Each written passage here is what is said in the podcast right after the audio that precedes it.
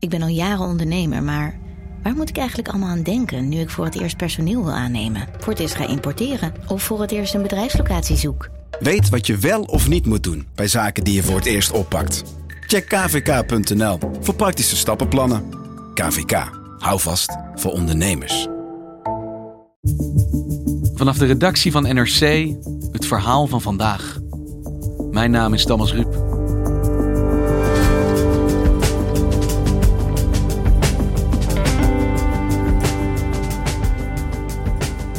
Totaal onverwacht gooide de Russische president Vladimir Poetin vorige week het staatsbestel van zijn land om. Poetin wil macht overhevelen van het ambt van de president naar de Duma, het parlement. Dus Rusland wordt democratischer? Nee, zo simpel ligt het niet, zegt correspondent Steven Dirks vanuit Moskou. Want in de Russische politiek is niets ooit wat het lijkt.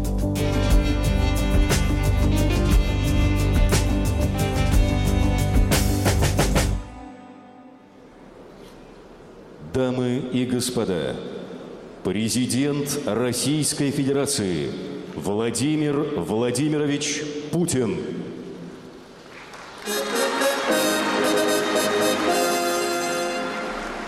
Ja, ieder jaar geeft eh, Poetin een, eh, een, grote toespraak aan uh, de verzamelde parlementen.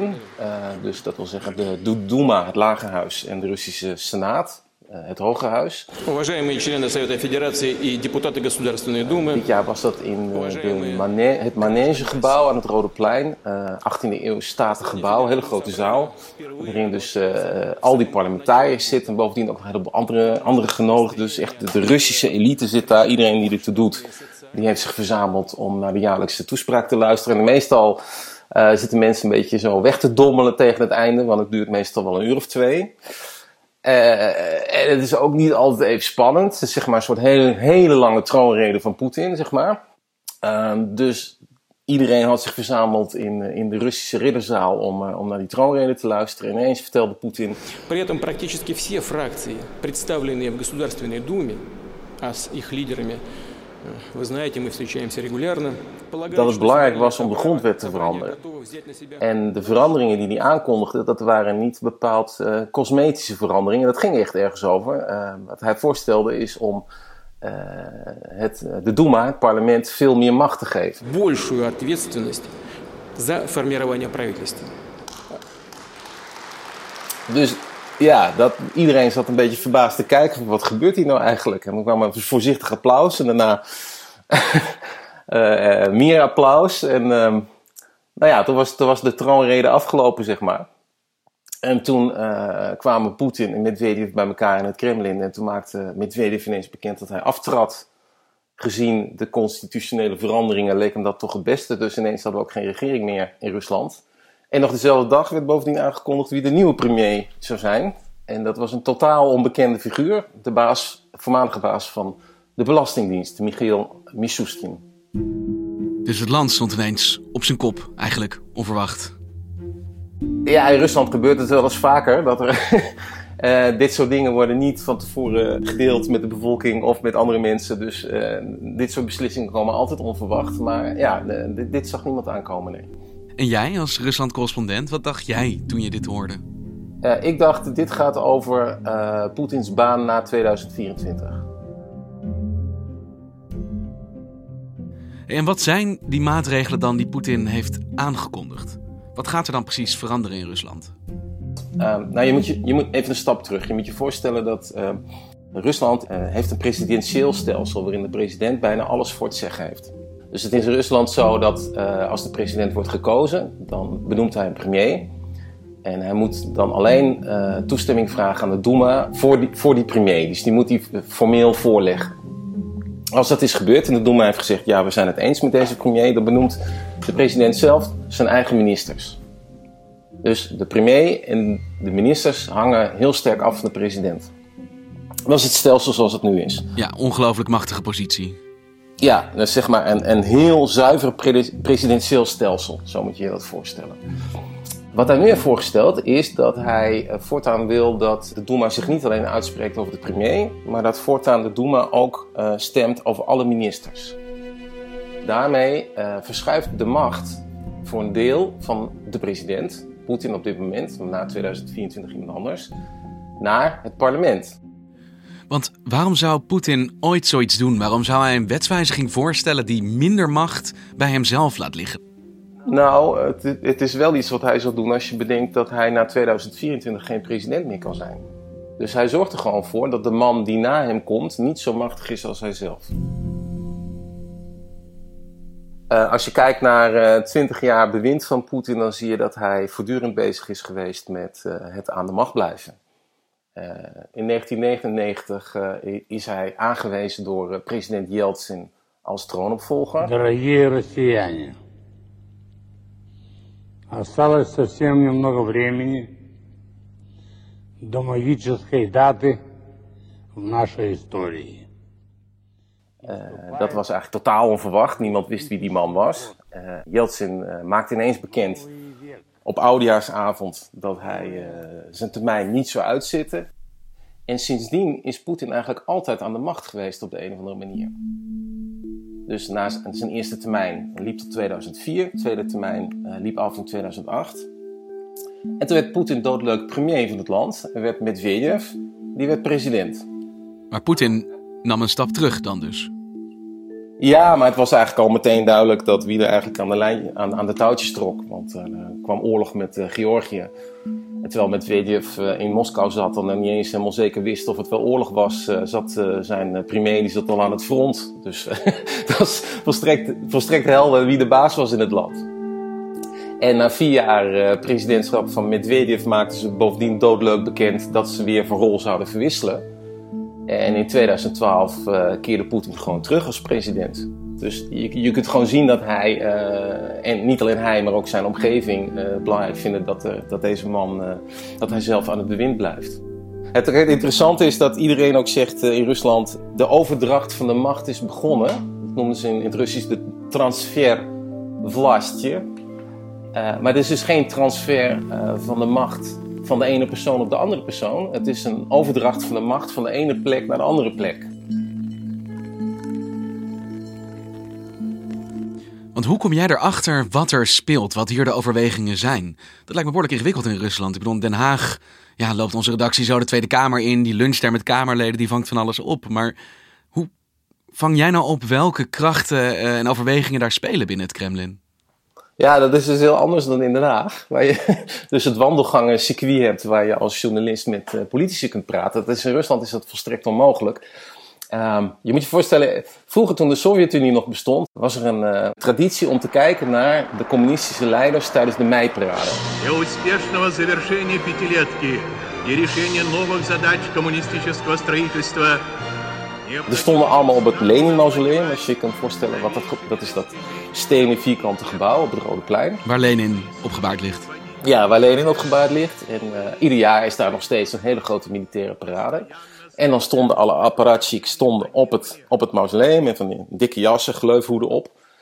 En uh, journalisten en, en politicologen die keken heel nauwgezet naar de opstelling. En die dachten, hé, hey, die meneer die staat nu ietsje verder van het midden af. Nou, dat is vast een slecht teken. Uh, waar is deze meneer eigenlijk gebleven? Deze meneer zien we helemaal niet meer terug. Nou ja, dat is vast het einde van zijn politieke carrière. Het systeem was zo gesloten dat je dus de toevlucht moest nemen tot dit soort waarnemingen om iets te kunnen zeggen over wat er uh, in het politbureau precies gebeurde. En wat is dan de huidige variant van Kremlinologie? Ja, dus, dus het, het, grappige, of misschien ook wel het treurige, is dat we na twintig jaar Poetin het regime zo gesloten is dat we eigenlijk weer terug zijn bij die communistische tijden.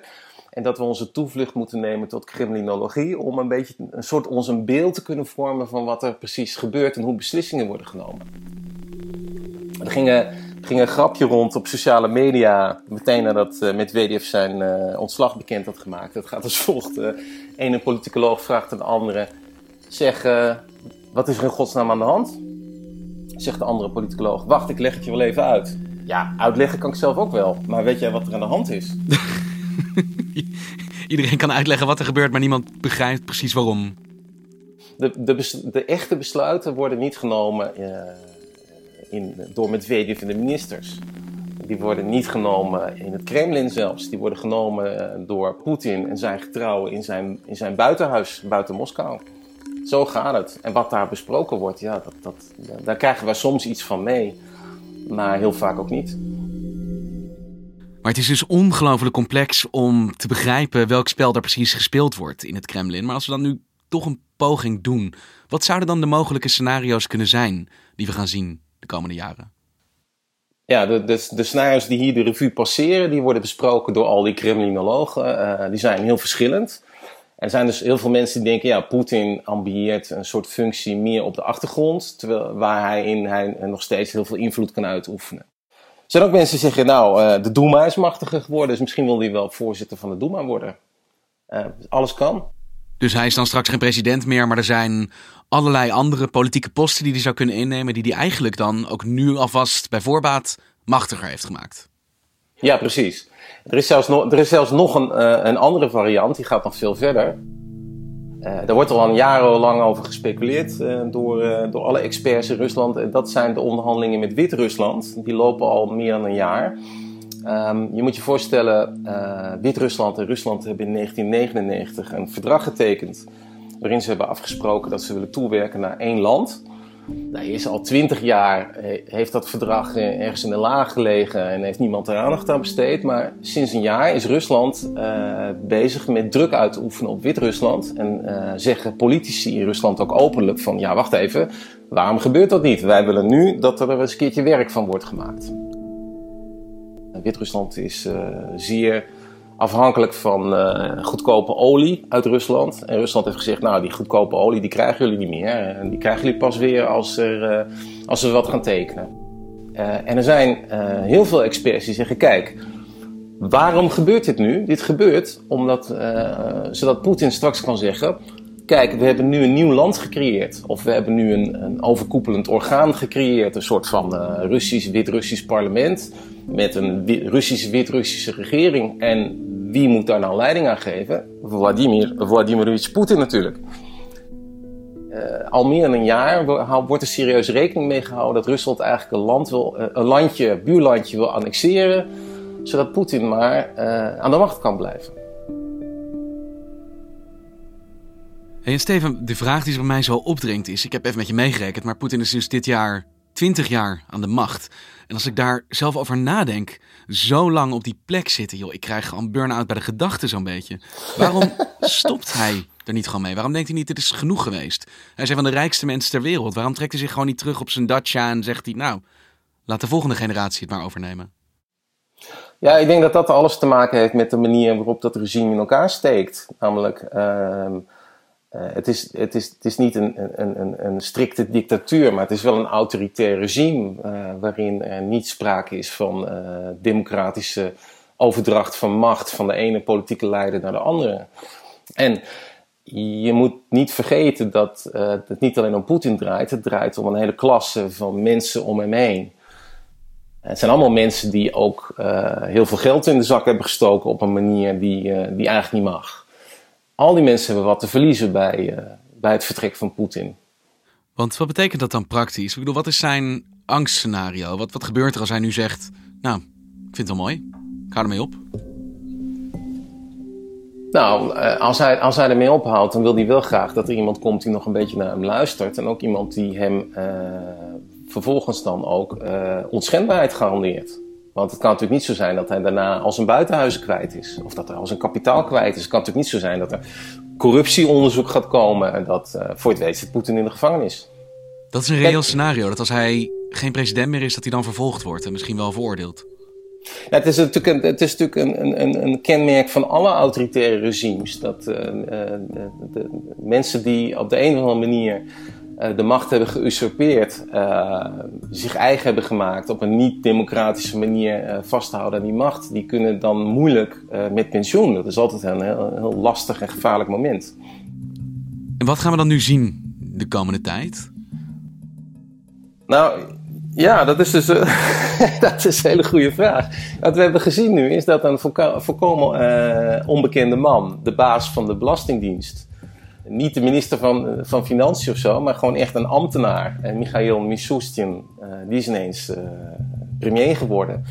nou ja, uh, grijzer en onbelangrijker kan naast niet. Dus dat is ook een aanwijzing voor het feit dat, dat, dat blijkbaar vond Poetin het niet zo'n goed idee dat Medvedev op die plek bleef zitten.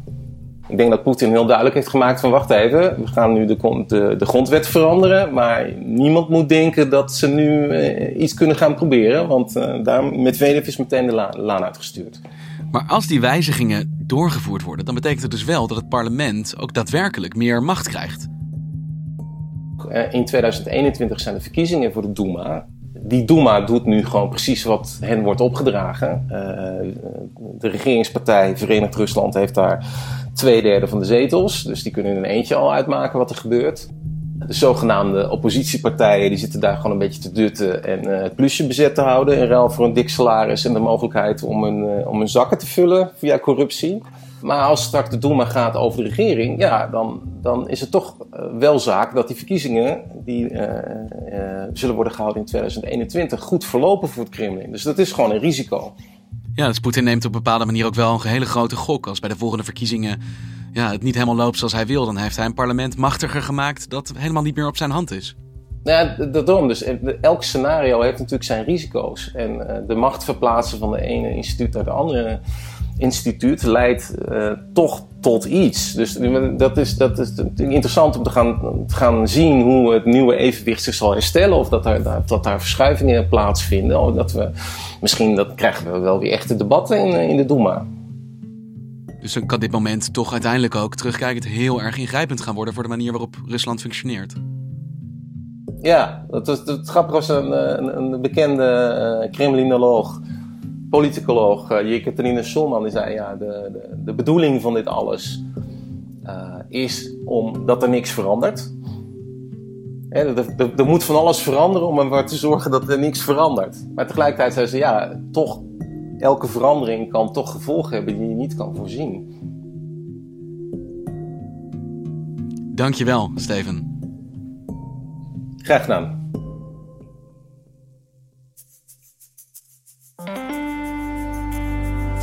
Je luisterde naar vandaag, een podcast van NRC. Eén verhaal, elke dag. Dit was vandaag, morgen weer.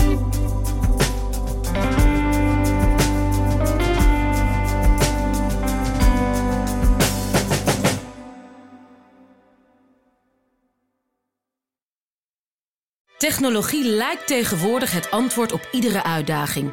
Bij PwC zien we dit anders. Als we de potentie van technologie willen benutten, kunnen we niet zonder een menselijk perspectief. Human-led, tech-powered noemen we dat. Ga naar pwc.nl.